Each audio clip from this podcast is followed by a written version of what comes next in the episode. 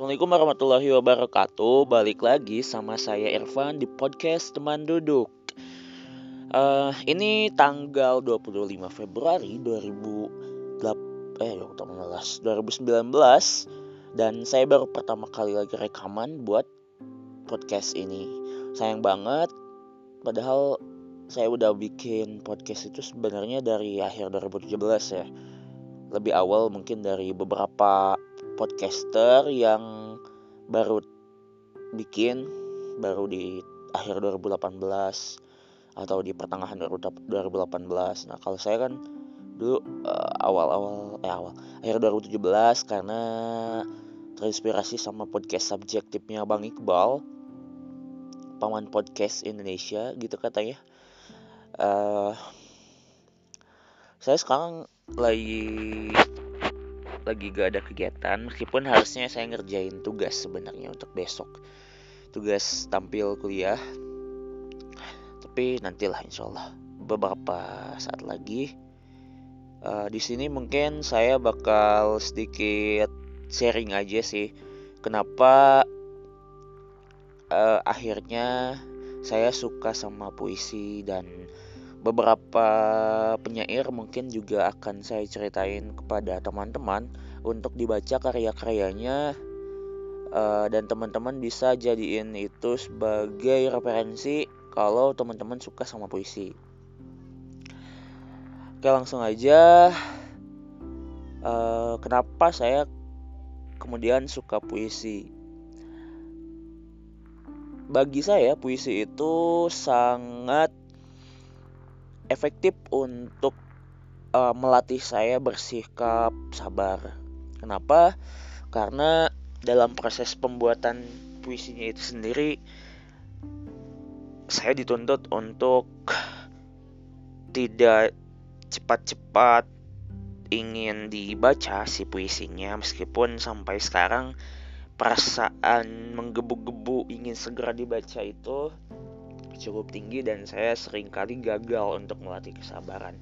Tapi setidaknya puisi memberikan ruang atau kesempatan bagi saya untuk melatih kesabaran.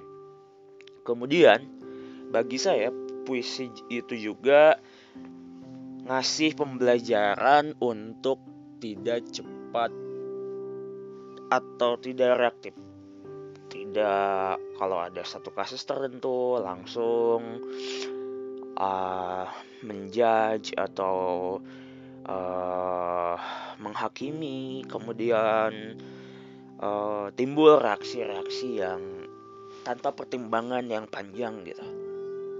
Sementara itu puisi kan dalam uh, proses pembuatannya kalau kata Pak Acep itu ia menghasilkan atau kita kita merekam sesuatu nih tapi menyajikannya bukan dalam realitas yang sama sebagaimana yang kita konsumsi uh, pertama kali gitu. Misalnya saya meli saya melihat atau seorang penyair melihat sebuah tong sampah kemudian penyair tersebut memproses apa yang dilihatnya menjadi sebuah realitas baru bukan lagi sebagai tempat sampah dengan makna yang sesungguhnya, tapi ada makna-makna lain yang kemudian terbentuk dan uh, bisa kemudian jadi bahan refleksi untuk si pembaca, uh, sebenarnya untuk penyair itu sendiri yang nulisin tentang puisinya. Dan alhamdulillah kalau misalnya ada orang-orang pembaca yang kemudian mendapatkan eh, ruang-ruang uh, uh, pemaknaan dari, dari sebuah puisi gitu. Karena memang puisi itu sebenarnya uh, bagi saya ya kita uh, nggak terlalu mesti tuh untuk sesuai uh, pemaknaannya dengan penyair. Karena memang penyair dan pembaca itu ya beda frekuensi penyair menghendaki ini kemudian pembaca punya pengalaman sendiri punya perasaan sendiri punya input yang uh, tentu tidak nol. Si pembaca hadir dengan uh, mungkin dari mulai angka 1, 2, 3 dan sebagainya dari bacaan-bacaan dari apa yang dia temui sehari-hari kemudian merespon uh, sebuah puisi ya jelas pasti beda. Akan tetapi penyair mungkin memberikan clue-clue di puisinya gitu. Kemudian ada juga kan uh, sebuah puisi itu yang terang atau bukan terang ya gampang ditembus oleh si pembacanya karena tidak rumit dan dibuat uh, ya tingkat kerumitannya itu nggak nggak canggih-canggih banget tapi mungkin biasa aja atau bahkan rendah. Tapi untuk beberapa puisi yang dibuat dengan tujuan uh, membuat lapisan-lapisan makna yang banyak dan dalam yaitu tentu uh, akan apa ya membuat pembaca mengerahkan kemampuannya untuk memahami uh, setidaknya mendekati lah maksud dari penulis itu sendiri atau penyairnya. Itu yang membuat saya kemudian tersangat tergila-gila dengan puisi. Kemudian selanjutnya ya jelas lah keindahan gitu. Saya saya termasuk orang yang menyukai keindahan menyukai seni. Seni uh, secara umum seni lukis seni musik saya menyukainya. Meskipun saya tidak bisa menggambar saya tidak bisa melukis saya saya tidak bisa bernyanyi dengan bagus tapi saya menikmati hasil seni. Salah satunya ya entahlah uh, apakah puisi ini bisa digolongkan ke dalam seni juga. Tapi lewat puisi ini uh, saya menganggap sebuah puisi bagus itu uh, dalam hal bentuk misalnya dalam uh, pesona yang ditimbulkan karena bunyinya yang bagus, rimanya yang bagus, tapi dan tidak klise itu ya bagi saya uh, men menenangkan gitu, me membuat hati saya tenang, membuat uh, pikiran saya nggak ya kalau yang sebelumnya misalnya lagi stres itu bisa sedikit agak uh, turun tingkat stresnya dan sebagainya gara-gara efek dari baca puisi yang bagus. Nah saya juga biasanya kalau lagi mumet, lagi banyak pikiran, saya kadang nulis puisi uh, ya meskipun kadang langsung jadi atau enggak tapi setidaknya itu jadi terapi bagi saya pribadi untuk menekan tingkat stres yang lagi saya rasain gitu. Itu bagi saya puisi punya efek untuk memberikan uh, ya menghasilkan satu keindahan tertentu lewat bunyi, lewat ya lewat pesonanya dari bentuk dari si puisi itu selain memang puisi menyajikan ruang pemaknaan bagi kita bagi si pembaca. Lalu apa ya selanjutnya uh, puisi puisi. Ya kemudian kan uh, di dunia ini mungkin yang suka puisi dan yang tidak yang tidak suka puisi kayaknya sih lebih banyak yang gak suka puisi gitu. Jadi orang-orang yang menyukai puisi mungkin sepersekian persen dari total populasi uh, orang populasi manusia di dunia gitu. Dan saya kira uh, sebuah anugerah yang tak terhingga dari Allah Subhanahu Wa Taala uh, terhadap orang-orang yang meminati puisi apalagi mampu menulis puisi puisinya gitu. Entah itu penyair sungguhan atau penyair penyairan atau orang yang memang uh, cenderung saja pada puisi tidak mendalam mendalaminya secara khusus uh, tidak kemudian ikut komunitas-komunitas sastra yang serius mendiskusikan puisi, sejarah-sejarah puisi, penyair-penyair dunia, penyair-penyair lokal dan kayak uh, ya kayak gitu-gitu. nggak kayak gitu, tapi uh, ya uh, puisi itu karena ya yes, menurut saya sih meminjam bahasanya Kang Randy Jan Satria, seorang penyair Bandung, penyair Jawa Barat, salah satu yang dapat penghargaan di Hari Puisi Indonesia 2018. Uh, ya itu puisi merupakan ya menjadi makhluk hidup gitu menurut dia ya pemaknaannya dan saya juga sepakat uh, apalagi kemudian puisi puisi juga kan kalau di Islam itu tradisi bersyair membuat uh, kata-kata iddah itu dicontohkan oleh para sufi. Para sufi itu mengekspresikan pengalaman batinnya untuk uh, dalam rangka mendekati Allah, menuju ma'rifat gitu ya.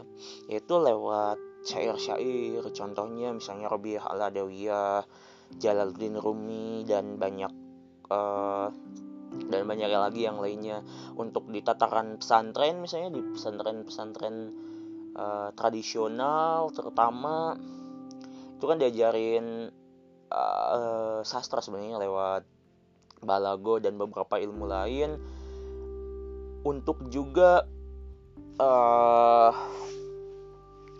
untuk juga menciptakan sebenarnya mungkin tujuannya ilmu-ilmu itu untuk mendekati Al-Quran yang memang tingkat sastranya sangat tinggi gitu uh, tingkat sastra Al-Quran itu ya susah untuk ditandingi gitu.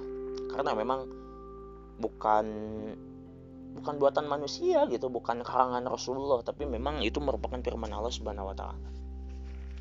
Jadi sebenarnya puisi itu karena memang saya sekarang kuliah di jurusan pendidikan agama Islam kemudian sempat mesantren juga tradisi bersyair ke, uh, atau berpuisi lah itu sangat dekat sekali dengan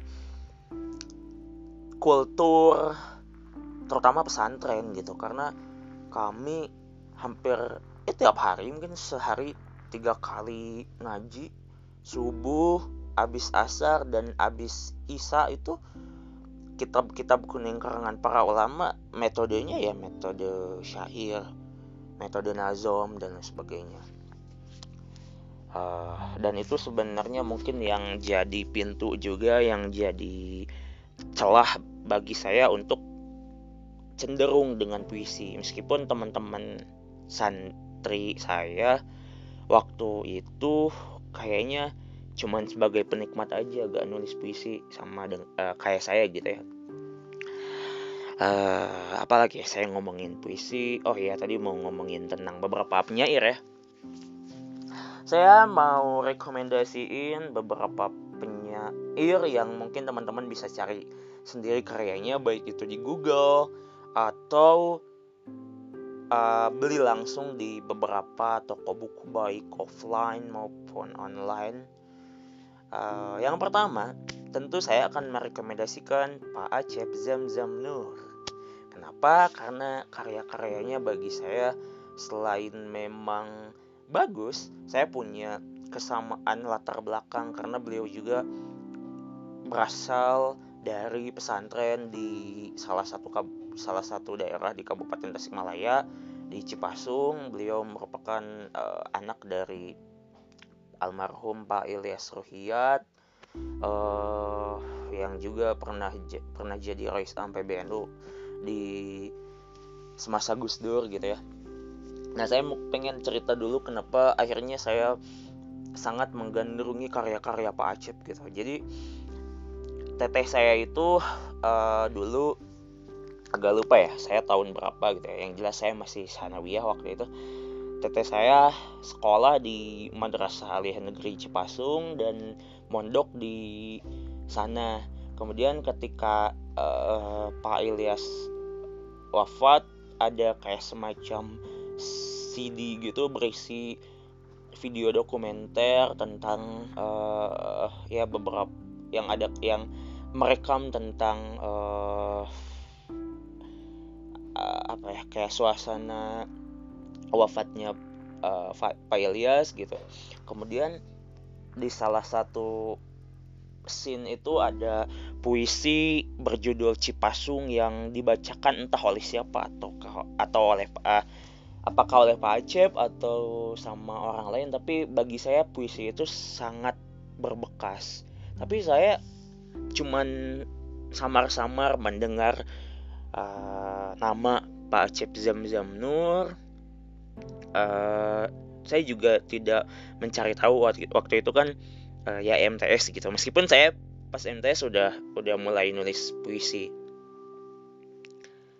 Uh, kemudian singkat cerita saya kuliah di UPI dan uh, bersinggungan kembali dengan nama Pak Acep dan juga puisi-puisinya gitu. Saya saya ingat mungkin sekitar 2017 Pak Acep ke UPI untuk ngisi acara di rangkaian acara seni Bandung ngomongin tentang sastra dan di sana saya berhasil ketemu foto bareng kemudian uh, menandatangan eh iya minta tanda tangan di buku puisi dan bulu kuduk. Waktu itu saya belum punya buku-buku Pak Acep yang lainnya yang yang berbentuk kumpulan puisi tapi baru puisi dan bulu kuduk itu esai-esai beliau soal puisi gitu. Nah dari sana ya saya merasa meskipun saya bukan muridnya secara langsung tapi mungkin murid saya menganggap beliau sebagai guru guru ideologi saya karena karya-karyanya puisi-puisinya sangat mempengaruhi proses kreatif proses penyairan saya gitu. Uh, ya itulah sekilas teman-teman bisa cari sendiri teman-teman bisa beli bukunya kumpulan esai puisi dan bulu kuduk itu bagi saya uh, membangkitkan gairah saya untuk terus menerus menulis puisi. Kemudian buku esai uh, tentang Islam juga ditulis dengan sangat menar dengan sangat bagus. Itu menjadi ah sorry Islam apa ya Islam santai gitu Islam santai. Kemudian teman-teman bisa cari juga kumpulan esai menjadi Sisyphus. Kalau saya sih semuanya kayaknya beli di kalau nggak salah ya agak lupa lupa di Toga Mas Bandung. Untuk yang puisi dan bulu kuduk itu saya beli dari hasil honor pertama penerbitan puisi di pikiran rakyat gitu uh, kemudian teman-teman juga bisa beli kumpulan puisi paling baru tuh membaca lambang kemudian sebelumnya lagi berguru kepada rindu ada juga di atas umbria. Nah ini yang di atas umbria kemudian bagian dari kebahagiaan uh, saya juga baru punya empat sih. Nah itu teman-teman bisa cari aja di toko-toko buku online lewat Instagram cari atau ketik nama Acep Jam Zamnur hashtag. Itu nanti bakal ada eh, buku-buku uh, beliau. Saya juga saya juga sebenarnya masih banyak yang belum dikoleksi buku-buku beliau. Tam oh iya saya baru beli Jalan Menuju Rumahmu itu cetakan uh, ulang sebenarnya dari buku beliau di yang diterbitin sama Grasindo tahun 2000-an dan sekarang dicetak ulang dengan tampilan yang sangat menarik. Ukuran bukunya kecil tapi isinya mantep lah. Uh, itu sangat kalau makanan itu sangat bergizi bagi bagi uh, kita yang ingin serius mendalami puisi gitu. Ada juga buku yang pertama kali itu tampaklah mukaku. Nah saya lagi nyari buku ini tapi susah susah banget. Kemudian sorry saya gang saya ke matiin paket datanya ya. Bentar saya matiin dulu. Selanjutnya saya mau rekomendasiin tentu Aan Mansur ya. Aan Mansur juga cukup berkontribusi banyak terhadap eh, gaya menulis puisi saya. Puisi dengan gaya bercerita itu saya saya pelajari atau saya saya terpengaruh oleh puisi-puisinya Aan Mansur.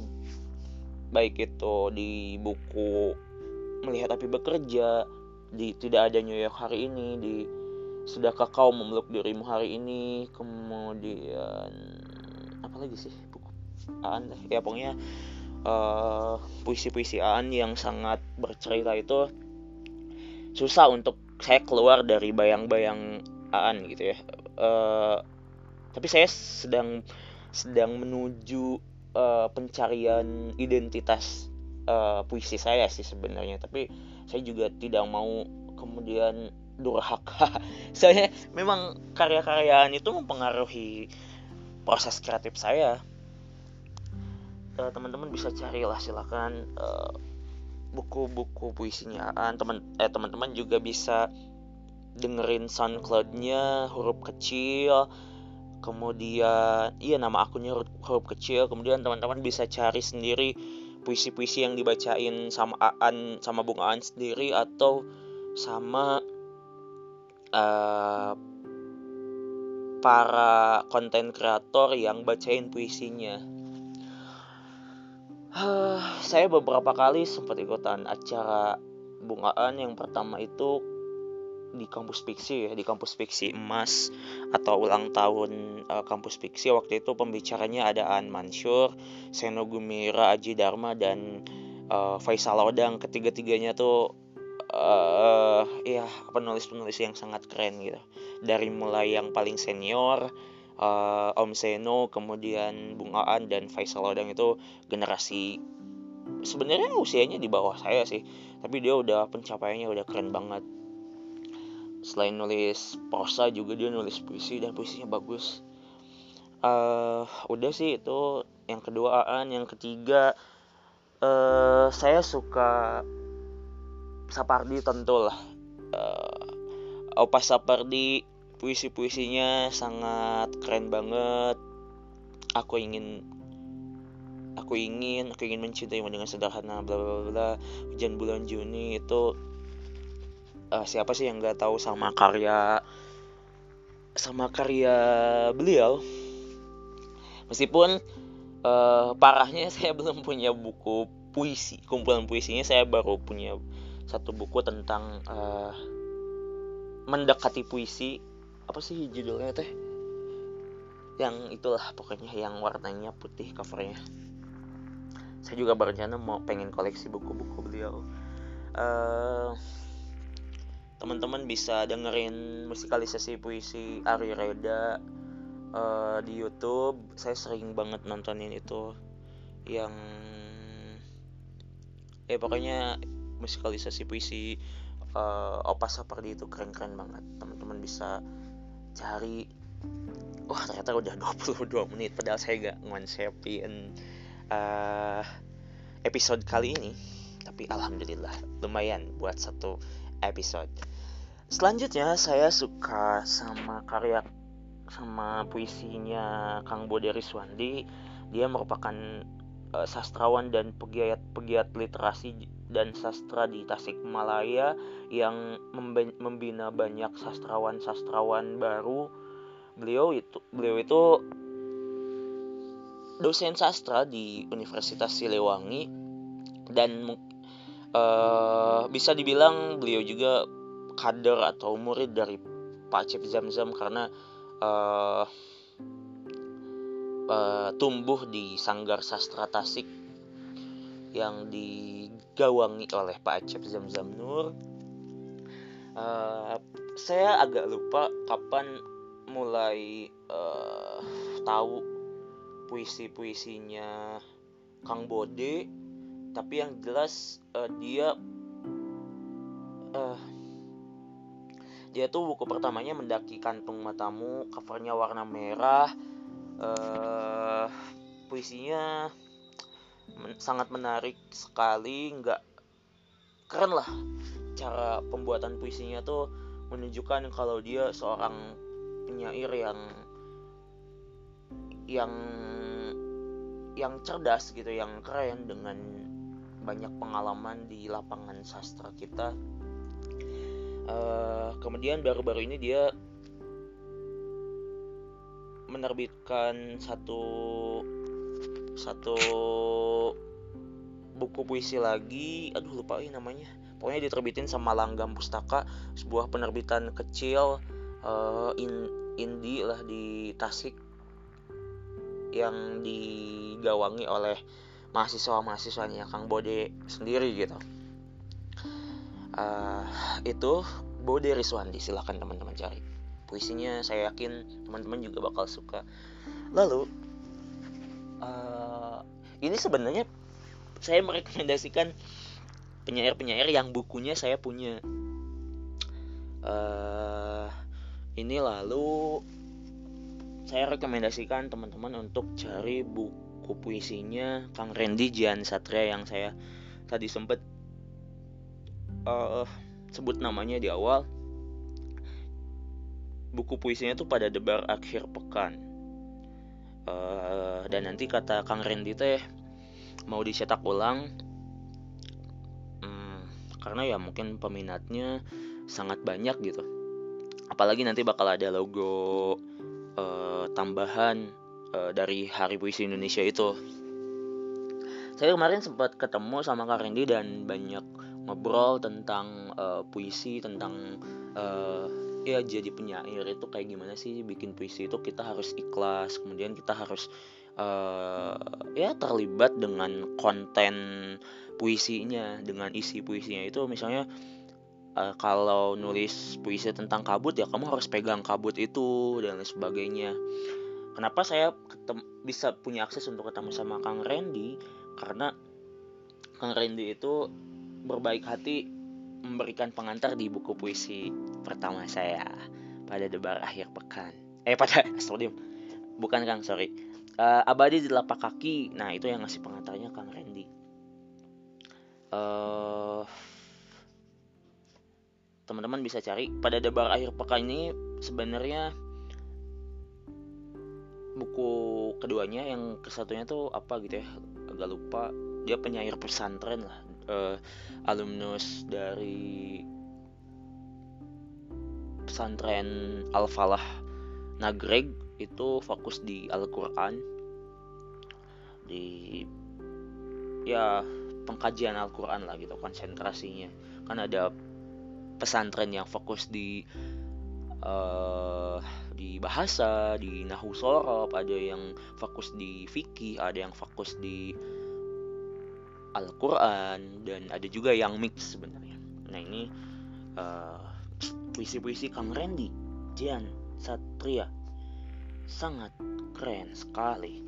Kemudian saya juga suka sama puisi-puisinya Afrilia Utami, dia penyair Tasikmalaya, alumni Telkom University. Buku pertamanya itu Halte Biru, teman-teman bisa cari tapi uh, buku terbitan 2014 ini kayaknya sih nggak cetak ulang gitu. Teman-teman bisa tanya langsung ke Af ke Afrilia ke Afrilia Utami lewat Instagram DM aja.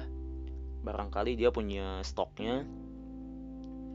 Uh, teman-teman bisa dengerin puisi-puisinya itu di SoundCloud. Cari aja Afrilia Utami. Dia selain penulis puisi yang bagus dia juga pembaca yang sangat bagus atau teman-teman bisa cari di YouTube-nya dia bikin video-video juga uh, pembacaan puisinya atau di Instagramnya juga cari aja Afrilia Utami.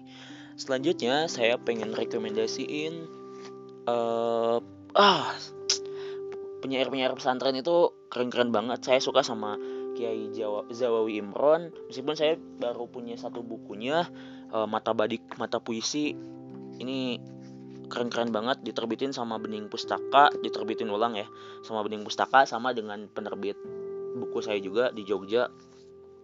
Pak Zawawi ini yang saya baca sekilas di uh, beberapa esai tentang proses kreatifnya ini dia dia uh, ya gak gak tergabung di komunitas atau bukan kalangan uh, penyair yang tipikal berkomunitas tapi dia uh, mungkin karena kepekaannya uh, yang terbentuk dari ya mungkin salah satunya kontribusi dari pesantren juga karena dia tuh kiai juga uh, ya dekat dengan narasi-narasi keagamaan uh, dan dia menciptakan puisi-puisi uh, yang sang ya lokalitasnya tinggi lah tentang Madura. Dia kan berasal dari Madura.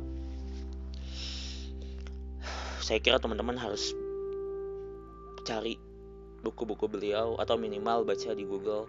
Salah satu yang favorit itu saya puisinya yang ibu itu. Uh, menarik. Selanjutnya puis uh, udah cukup lah ya. Mungkin segitu dulu. Nantilah kapan-kapan mudah-mudahan saya bisa kasih rekomendasi lagi. Oh iya sorry sorry sorry. Ini Kang Zulkifli Songyanan uh, buku puisi pertamanya kartu pos dari Banda Neira diterbitin sama Gambang penerbit Gambang di Jogja. Kang Zul ini uh, satu alma mater sama saya di UPI satu fakultas juga uh, dia jurusan pariwisata di UPI-nya manajemen pemasaran dan pariwisata kalau gak salah. Dan dia besar di asas arena uh, studi apresiasi sastra sebuah UKM di UPI dan banyak melahirkan uh, penyair-penyair keren. Kemudian sebelumnya dia juga aktif di Sanggar Sastra Tasik. Waduh ini uh, dekat dengan Pak Acep juga dan komunitas malaikat yang yang uh, sosoknya itu Kang Ahmad Faisal Imron. Saya belum pernah ketemu sama Kang Faisal Kang Ahmad Faisal Imron ini tapi puisinya keren banget. Dan saya tahu dari Pak dari buku esainya Pak Acep gitu. Teman-teman bisa cari di toko-toko buku online uh, buku kartu pos dari Banda Neira sebelum saya kepikiran lagi penyair-penyair lain saya udah eh tapi satu lagi deh. Uh, teman-teman bisa cari buku tanda bagi tanya karangan dua lagi lah ya. Karangan uh, Mbak Friska Suarini dia penyair Bali. Saya suka satu puisinya di buku itu yang Asma Yatra Asma Yatra dibacain sempat dibacain juga sama Mbak Friska di YouTube. Ada carilah teman-teman gitu. Kemudian satu lagi buku puisinya. Ya penyairnya Kang Willy Fami Agiska. Dia penyair asas juga. Dia nerbitin satu uh, buku puisi judulnya uh, mencatat demam. Itu tipis buku puisinya. Teman-teman bisa cari aja langsung ke penulisnya di DM ya di Instagram Willy Fahmi Agiska Kang Willy juga uh, saya anggap sebagai guru nulis saya karena beberapa kali saya dua kali sih lebih tepatnya saya uh, konsultasi ke beliau tentang uh, tentang puisi. Mungkin karena udah setengah jam dan saya mau mandi sih. Ah tapi sebelum ditutup saya pengen pengen promosi gitu. Uh, buku puisi saya baru terbit alhamdulillah beberapa waktu lalu mungkin ada sebulanan kurang sebulanan kurang judulnya abadi di telapak kaki diterbit diterbitkan secara indie di Bening Pustaka di Yogyakarta. Uh, saya cetak sekitar 100 eksemplar dan sekarang sekitar 70-an lagi mungkin. Beberapa teman sudah ada yang pengen beli, pengen beli, nanti bakal saya paketin jadi jumlahnya bakal uh, terus menipis. Tapi ten tenang sih, saya insya Allah bakal cetak ulang. Uh, karena emang kenapa saya cetak indie uh, buku ini? Selain karena emang buku puisi itu agak susah buat diterima sama penerbit apalagi saya saya penulis penulis pemula lah ya. Uh, siapa sih saya gitu? Muhammad Irfan Ilmi Ilmi ini di jagat perpuisian ya belum belum belum terkenal sama banyak orang gitu. Jadi kalau misalnya nerbitin di penerbit yang uh, yang serius misalnya bahasa basi atau gambang dan sebagainya itu saya agak pesimis sih untuk diterima gitu. Dan prosesnya pasti lama dan saya pengen cepet-cepet makanya uh, saya alhamdulillah sempat dapat project tertentu dan lumayan dapat uang sekitar 1,5 juta dan saya uh, ditambahin sama dari orang tua akhirnya bisa kecetak sekitar 100 eksemplar uh, puisi ini buku puisi ini isinya sih uh, secara garis besar ngomongin tentang cinta tapi saya bagi jadi tiga bagian yang satu itu cinta transenden ke Tuhan karena saya uh, ya resah dengan uh, dengan hubungan saya dengan Tuhan yang kadang-kadang dekat, kadang-kadang renggang gitu. Eh, dan lain sebagainya. Kemudian yang keduanya pengamatan saya atau refleksi saya terhadap uh, kondisi sekitar saya uh, gitu gitulah kemudian yang bagian ketiganya cinta kepada lawan jenis lah. Itu normal mungkin sebagai pemuda remaja uh, kayak gitu-gitu normal. Meskipun uh, saya nggak punya nggak punya hubungan secara khusus sebenarnya atau masih single tapi saya membayangkan aja sih uh, mengamati teman-teman saya yang uh, menjalin hubungan asmara gitu. Dan saya uh, menjadikan itu sebagai inspirasi dalam puisi-puisi yang di bagian ketiga ini. Mungkin itu aja. Uh, harga bukunya uh, sebagai informasi itu 50.000 silahkan bisa hubungi saya aja di Instagram lah ya. Ir Irfan Ilmiah I R F A N I L M Y A H teman-teman bisa DM kalau minat sama buku puisi saya uh, rencananya sih malam puisi Bandung itu ngundang saya buat ya kayak mini talk show di uh, event Februari ini tanggal 28 Februari 2019 teman-teman bisa datang kalau teman-teman uh, lagi di Bandung misalnya atau emang teman-teman orang Bandung itu sendiri. Infonya bisa dilihat di akun Malam Puisi Bandung. Mungkin itu aja untuk episode kali ini. Alhamdulillah ini ada udah 36 menit ternyata. Saya asli gak bikin kon gak bikin uh, outline-nya dulu. Ini uh, sorry ya. Habis eh baru bangun tidur banget tiba-tiba saya kepikiran buat bikin podcast. Uh, mohon maaf apabila ada kekurangan di episode kali ini.